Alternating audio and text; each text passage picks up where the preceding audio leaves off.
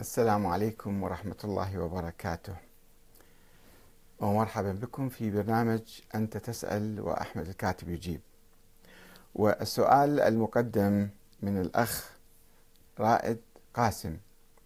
يقول لقد سألت الأستاذ أحمد الكاتب منذ سنوات ولكنه لم يرد. قلت له قرأت في كتاب عنوانه وفيات الأعيان ومؤلفه أحد علماء السنة. يذكر فيه بالاسم والشخص محمد بن الحسن العسكري باعتباره شخصية حقيقية ولدت وماتت في سن الطفولة ويستنكر على الرافضة قولهم بأنه هو المهدي. فهذا كتاب تاريخي يؤكد على أن شخصية محمد بن الحسن حقيقية ويستنكر وفقا لعقيدته القول بأنه المهدي. وليس هذا فقط بل يقر بأنه توفي في سن الطفولة وهي السن التي يعتقد الشيعة بأن غيبته بدأت منها. طبعا هذا الكلام آه، أيضا يردده كثير من الكتاب أو الخطباء بأن هناك آه، علماء سنة كثيرون يعني مو فقط هذا آه، وفيات الأعيان. صاحب وفيات الأعيان. إنما عبر التاريخ هناك سلسلة طويلة من علماء السنة الذين يقرون ويعترفون بوجود محمد بن حسن العسكري. فلماذا أنت تنفيه إذا السنة كانوا يعترفون ويقرون بوجوده؟ فكيف تأتي يا أحمد الكاتب وتقول أن هذا ما موجود وهذه فرضية فلسفية؟ سؤال يعني فعلا يعني لا بأس به.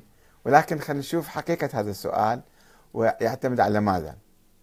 قلت للأخ رائد قاسم أخي العزيز رائد أنت رجل مثقف ومفكر وباحث وتعرف أن هذا الكتاب هو لابن خلكان معروف وفيات الأعيان لابن خلكان الذي توفي سنة 681 هجرية. يعني كم سنة بعد وفاة الإمام العسكري؟ أكثر من أربعة قرون.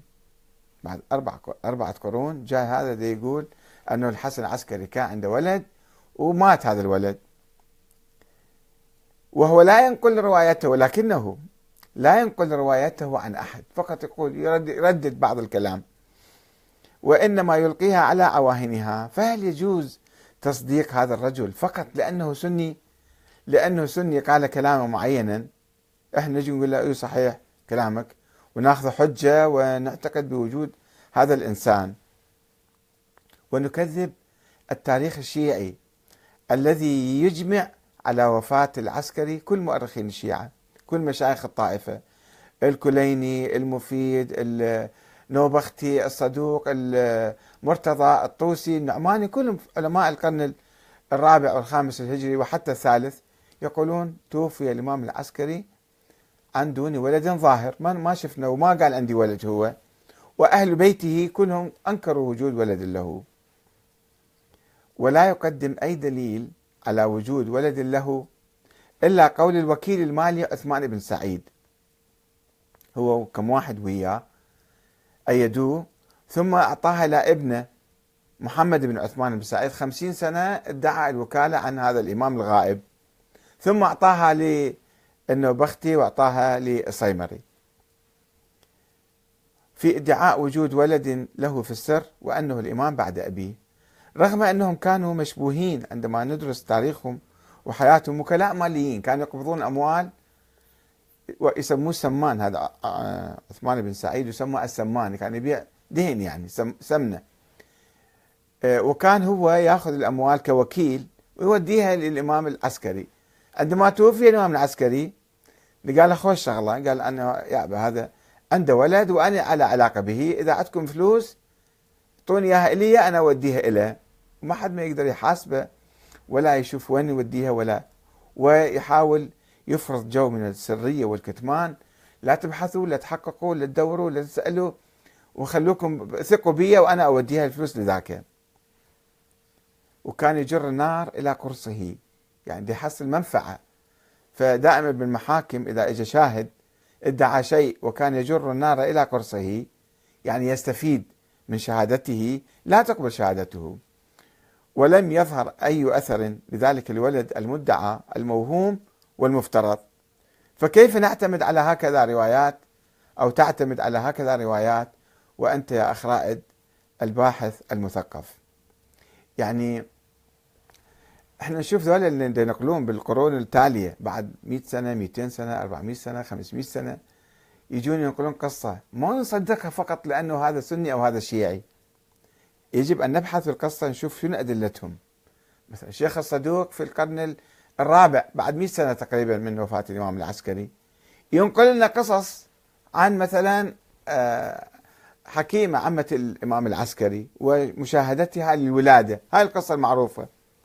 وقصة مملوءة أساطير وخرافات وتضحك الناس علينا وبدون سند بدون يعني أي ناس كذابين أو رواية مقطوعة فلما ينقل لنا هاي الرواية اللي يعني يحاول هي إشاعة بالحقيقة إشاعة ورا 100 سنة ألفوها الناس إحنا ما نصدق نقول هذا منين جبتها؟ منو رواها؟ منو شافها؟ منو عمة حكيمة عمة الإمام الحسن؟ ما عنده عمة اسمها حكيمة وهكذا. يعني ما يمكن نحن نقبل بالروايات أو نردها لأنها شيعية أو لأنها سنية. يجب أن نتخذ موقف الحياد وندرس هذه الروايات ونشوف الروايات صحيحة أو لا. وفي الحقيقة معظم مشايخ الطائفة اللي ألفوا الطائفة الاثنى عشرية هم يقولون يعني الأحاديث اللي نجيبها هذه يمكن تصنع أي واحد يمكن يصنع قال الباقر قال الصادق قال فلان قال فلان بكل سهولة ويروي في الحديث. هذا ما يمكن الاعتماد على الأحاديث. وأيضا ما يمكن الاعتماد على الرواية التاريخية لأنها هزيلة وضعيفة ومناقضة للوصية وصية الإمام العسكري ومناقضة لأهل بيت الإمام العسكري اللي كانوا ينفون واللي ما عنده ولد. أخو الإمام جعفر كان يقول ما عنده ولد. فمنين اجى أنه عنده ولد؟ يقولون صحيح الأدلة الروائية ضعيفة والأدلة التاريخية ما موجودة.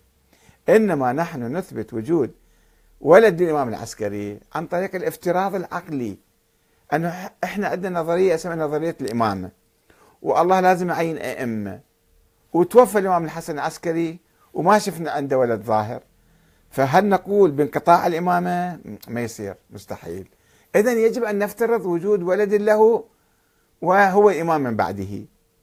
ونفترض أيضا هذا الولد مستمر بالحياة. ونفترض أن هذا الولد سوف يكون هو المهدي المنتظر. كلها فرضيات في فرضيات في فرضيات. ما في شيء دليل علمي قاطع أو آية قرآنية أو حديث نبوي أو مشاهدة تاريخية. ما في أي حديث متواتر على وجوده وولادته لأنهم ما أساسا يقولون المسألة سرية. والولد لم يظهر والإمام لم يتحدث عنه. طيب شلون عرفتوا أنتم أربعة خمسة يجون ويسوي لك عقيدة ويسوي لك دين بعدين. وهذا لازم تقبل به وإذا ما قبلت أنت تخرج من التشيع. ما أنتم قاعد تلعبون بالتشيع. لعبتوا بمذهب أهل البيت. ونسبتوا لكم آه، يعني أشخاص ما موجودين. وألفتوا فرقة جديدة اسمها الفرقة الاثنى عشرية. هذه فرقة ولدت ولدت في القرن الرابع الهجري. وبالتالي إحنا الآن والمهم أو الأهم من كل ذلك ما ترتب على هذه النظرية أنه حرمة إقامة الدولة والحكومة والثورة في عصر الغيبة. يجب أن ننتظر هذا الإمام اللي افترضنا وجوده هو موهوم. ونربط كل شيء به حتى صلاة الجمعة شوفوا الآن بعض الفقهاء السيد السيستاني مثلا يقول صلاة الجمعة ليست واجبة لأنه الإمام ما موجود. علقنا كثير من الأشياء. يعني عطلنا الدين انتظارا لخروج هذا الإمام اللي ما موجود حتى يخرج. وبالافتراض العقلي بعدين الآن الشيعة حدث حدث عندهم ثورة ثورة فكرية أنه لا ولاية الفقيه أو النظام الديمقراطي. إحنا الآن ما ننتظر بعد حاكم معصوم ومعين من قبل الله ومن هذه السلالة العلوية الحسينية يجي يحكمنا، لا إحنا ننتخب واحد. وانتخابات جاية قريبا عندنا. ننتخب الحاكم الأفضل اللي نشوفه ويصير آه هذا يعني حاكم علينا. ويدير الدولة ويدير المجتمع ويطبق العدل. وإحنا معاه طبعا مو واحدة. لازم المجتمع كله يتعاون مع بعض مع النواب مع الأحزاب مع الحكومة. لكي يسن قوانين العدل قوانين القسط. يعني ما لازم يبقى عندنا آه، ناس أميين بالبلد. هذا ظلم لهم لأن ما يقدرون يطورون اقتصاديا بعد وما يقدرون يعيشون بصورة سليمة. واليوم قرأنا إحصائية آه، أنه 47% أمية في العراق. 47% هذا ظلم كبير وتدهور كبير في حضارة العراق. فالحكومة المفروض أن آه، آه، تنشر التعليم وتوفر مدارس وأيضا توفر يعني سكن للناس توفر طعام للناس توفر صحة للناس توفر أمن للناس وبالتالي هذا هو العدل. هذه الحكومة التي ننتظرها. لا ننتظر شخص بعد ملايين السنين يأتي. الآن إحنا يجب علينا أن آه، نقوم ونتكاتف مع بعض ونعمل من أجل مكافحة الجهل والفقر والمرض ونوفر المستشفيات والدواء. شفتوا ناحية الحسينية في شمال بغداد؟ ناس بلا خدمات بلا مستشفيات بلا مجاري بلا أي شيء يتظاهرون يقطعون الطريق. حتى الحكومة تنجبر وتقول لهم يابا خلاص إحنا راح نوفر لكم مستشفى ونسوي لكم مجاري ويعني نلحق لكم. هذا هو المهم. هكذا يجب أن نعمل. أي منطقة محرومة يجب أن تتحرك من أجل أن آه، آه، يعني تجبر الحكومة أو المسؤولين على معالجة مشاكلها، توفر مستشفيات، دواء يكون مجاني وأماكن بيوت آه، رواتب للأرامل والأيتام والمساكين والفقراء. هكذا نقيم العدل. ما ننتظر في شيء واحد بعد من السماء ينزل لنا. الله سبحانه وتعالى أنزل لنا القرآن الكريم. وهذا القرآن خالد إلى يوم القيامة. علينا أن نعمل به. علينا أن نتحرك. أن نكون مهديين.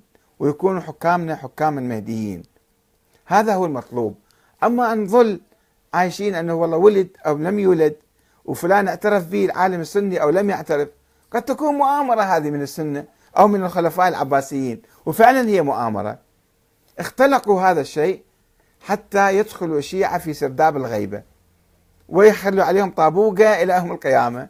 اقعدوا انتظروا وكل راية قبل راية المهدي فهي راية ضلالة وصاحبها طاغوت يعبد من دون الله. هكذا كانوا يقولون. قبل خمسين سنة هكذا هذه الثقافة كانت موجودة بالحوزة بالنجف وكربلاء وفي كل مكان. أن لا يجوز أن نعمل. الحجتية في إيران نفس الشيء. يجب أن